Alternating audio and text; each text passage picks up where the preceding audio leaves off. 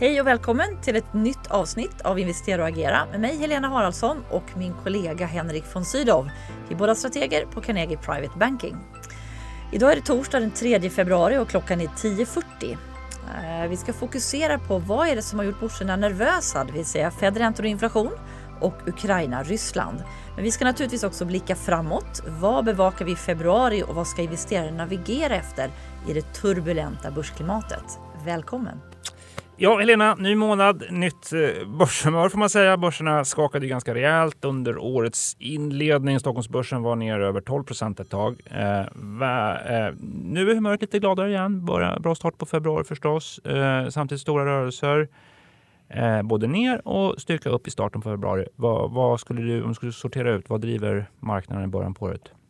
Jag tror den nya investeringsmiljön det är inflationen och att man har kommit till insikt om att det här kan vara ett problem. Dels för centralbanker men kanske också för, central, för, för företag. Då. Men politiker är också oroade över köpkraften.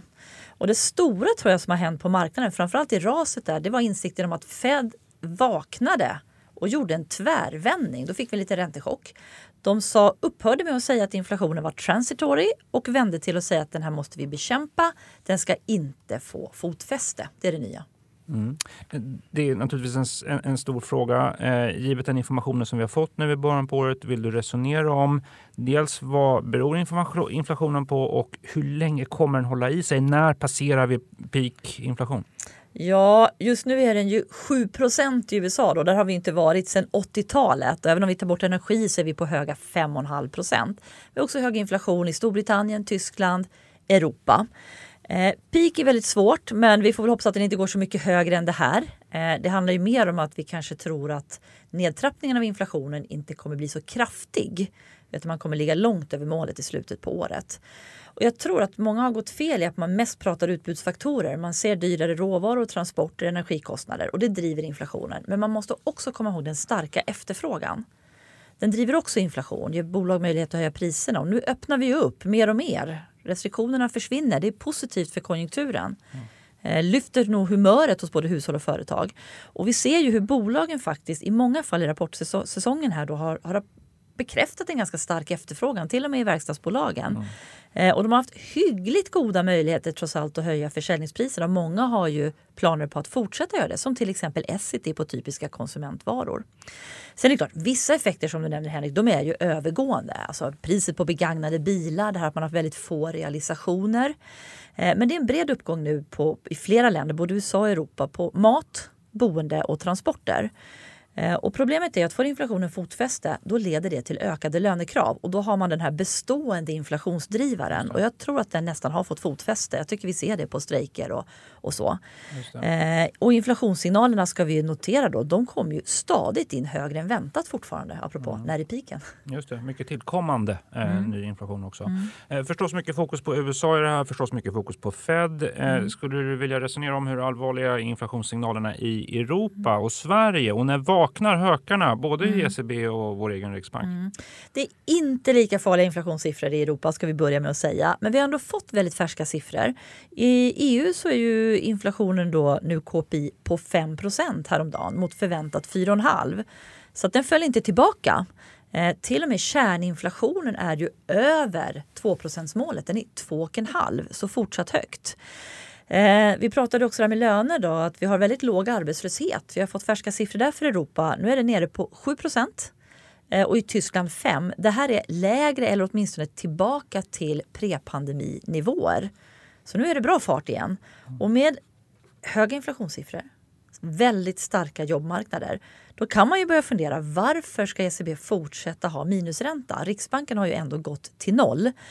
Eh, när Riksbanken säger att vi ska inte höja förrän i slutet på 24 så tror jag att man kommer gå fel. Det kommer ske innan. Men det är klart man kommer ligga efter Fed. Man kommer följa ECB i större utsträckning. Mm. Eh, både stark arbetsmarknad stark konjunktur. Det där är förstås något som brukar vara bra för börsen.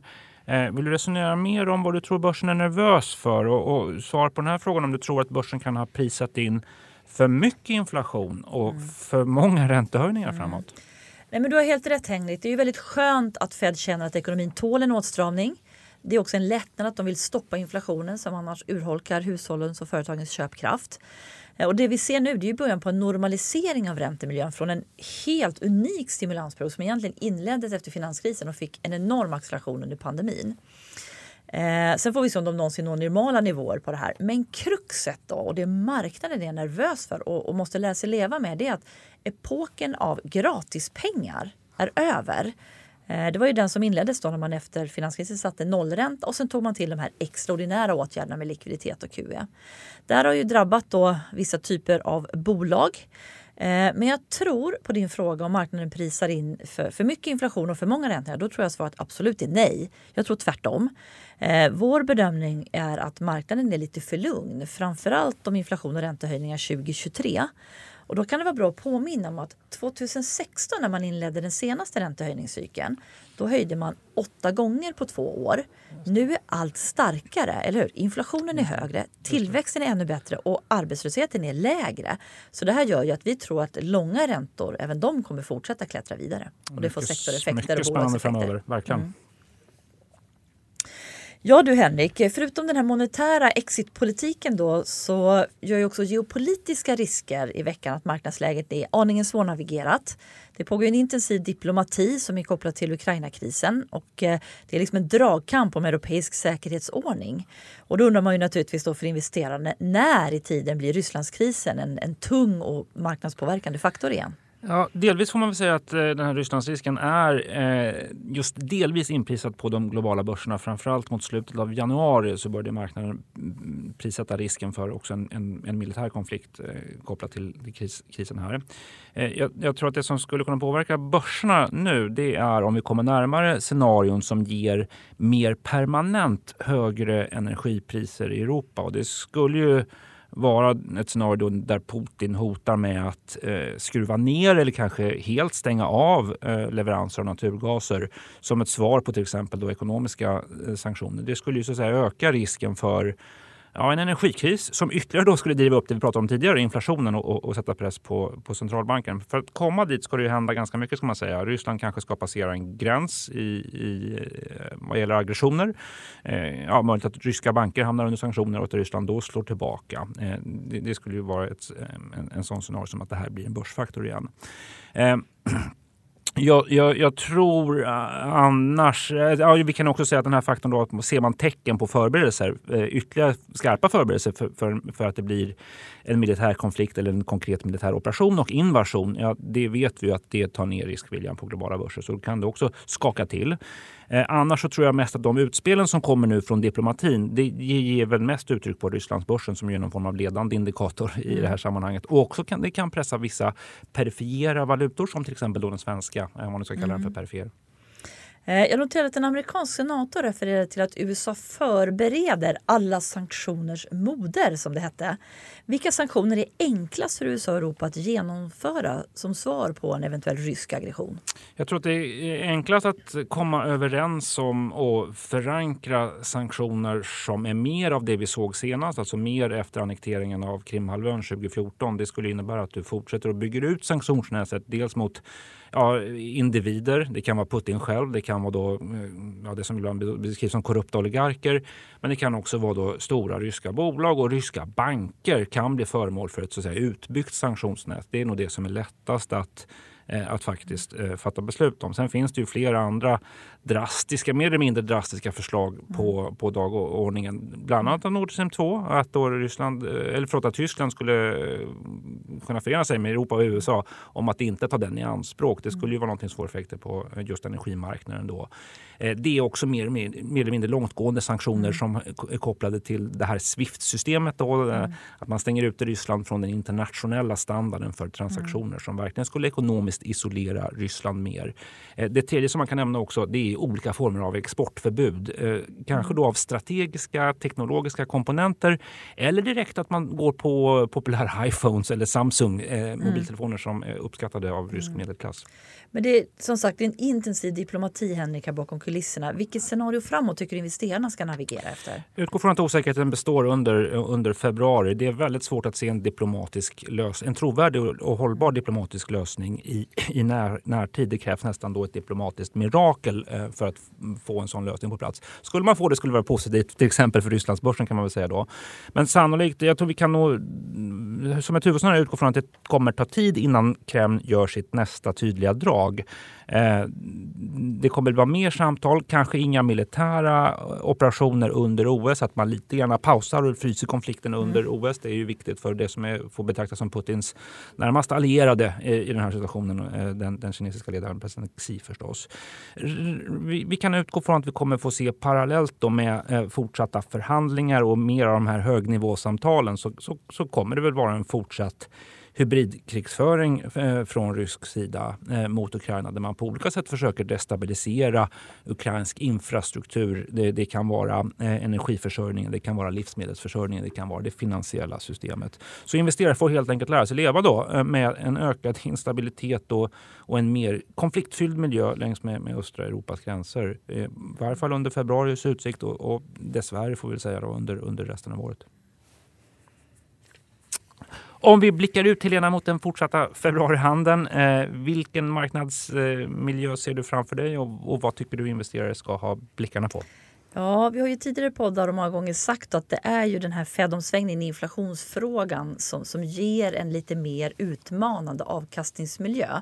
Framförallt jämfört med den vi kom från då 2021. Så det kan bli lite större slag men det behöver inte skälpa börsen. Eh, vi själva har ju en ganska normal aktievikt sedan december. Eh, men jag tror man ska tänka på också att om vår syn om ränteuppgång fortsätter så pressar det framförallt bolag som vi redan har sett få pressas då som spekulativa techbolag, förhoppningsbolag, vinster långt in i framtiden. Väldigt höga bolag med höga P-tal oavsett sektor egentligen. Jag har nämnt att vi har sett det även inom verkstad. Atlas har gått sämre än Sandvik. Eh, så så det är väl det då man ska passa sig för någonting som man ska vara och kanske serieförvärvare med höga värderingar. Då. Så det blir spännande att se om räntorna fortsätter upp. Men tittar vi på makro, vi tittar på i februari, eh, då är det på det här räntetemat. Då, då är det ju idag faktiskt ett räntemöte i Storbritannien men också eh, i Europa. Vad säger man där? Blir Storbritannien först med att strama åt sina penningpolitiska eh, obligationsköp? Eh, sen naturligtvis imorgon då får vi jobbrapporten. Där får vi dels veta hur stark arbetsmarknaden är och vilket lönetryck som det ger. Kan Just påverka det. bolag. Den amerikanska jobbrapporten. Ja, precis. den amerikanska. precis. Sen är det ju naturligtvis då som vi har pratat om Henrik, rapportsäsongen. Eh, hittills har den varit ganska hygglig. Eh, viss marginalpress så de fortsätter liksom inte överraska positivt om vi ser här i Sverige och Norden. Eh, så det blir viktigt att följa. Men också kanske då man ska lyfta fram något annat när det gäller inflation. Oljepris och energipriser tror jag kan påverka börsen också. Sen är det faktiskt ett tag till nästa Fed-möte. Eh, man får ju en ny sån här så kallad dotplot när alla ledamöter ger sin ränteprognos som marknaden är så intresserad av. Den får vi inte förrän på marsmötet då den 16 mars och då kommer man hålla ögonen på vad säger de om 23 och 24 där vi tror marknaden är lite för försiktig och ger dem någon indikation om framtida balansräkningskrympning. Och när det gäller makro då får man nästan också blicka en bit in i mars. Alltså vad händer, hur ser siffrorna ut när sanktionerna är borta? För många siffror är ju svaga på grund av omikronrestriktioner. Och hur ser då inflation, flaskhalsar ut? Och hur beter sig eh, hushåll och företag och hur påverkas köpkraften när restriktionerna försvinner framåt våren? Mm. Mycket kort Helena, eh, i veckan besked Danmark slopar alla coronarestriktioner, Norge normaliserad, Finland normaliserar också, Sverige kommer då lätta på så gott som samtliga restriktioner från och med nästa vecka. Mm. Vad, vad är impact på ekonomin och på den ekonomiska aktiviteten? Ja, jag tror naturligtvis då att eh, hushållen och företagen kommer börja resa eh, mer nöjeskonsumtion, evenemang och så vidare. Men jag tror också väldigt viktigt för börsen som ändå en längre tid har tänkt endemi, inte pandemi. Att det här, man har börjat prisa in att det ska bli som en säsongsinfluensa. Men man kommer ha koll på hur länge har rasen sin nollstrategi. Eh, borde inte den sluta snart och vilka blir effekterna om de fortsätter på leveranskedjor och komponentbrist? För det är inte så påverkat vad vi gör utan vad, hur agerar de?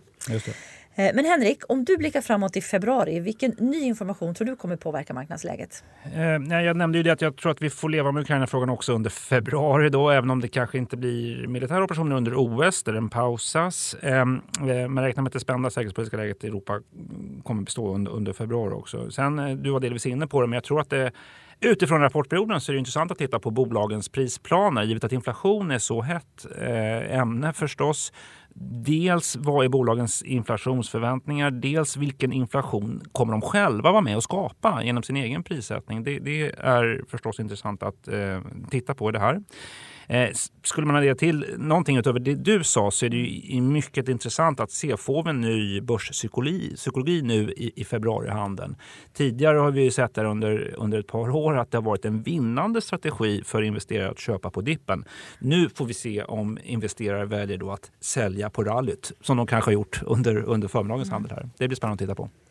Okej, eh, med det tack för samtalet Helena idag. Eh, vi eh, har redan nästa vecka på onsdag den 9 februari klockan 10.00 så presenterar vi den alldeles eh, rykande färska strategi och allokeringsrapporten. Det gör vi på vår digitala plattform Carnegie Live klockan 10.00 onsdag den 9 februari.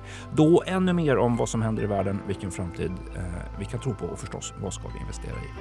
Tack för idag. Är du intresserad av topprankad aktieanalys och unika investeringsmöjligheter? Gå då in på carnegie.se privatebanking och lär dig mer om vad du får som private banking-kund hos oss.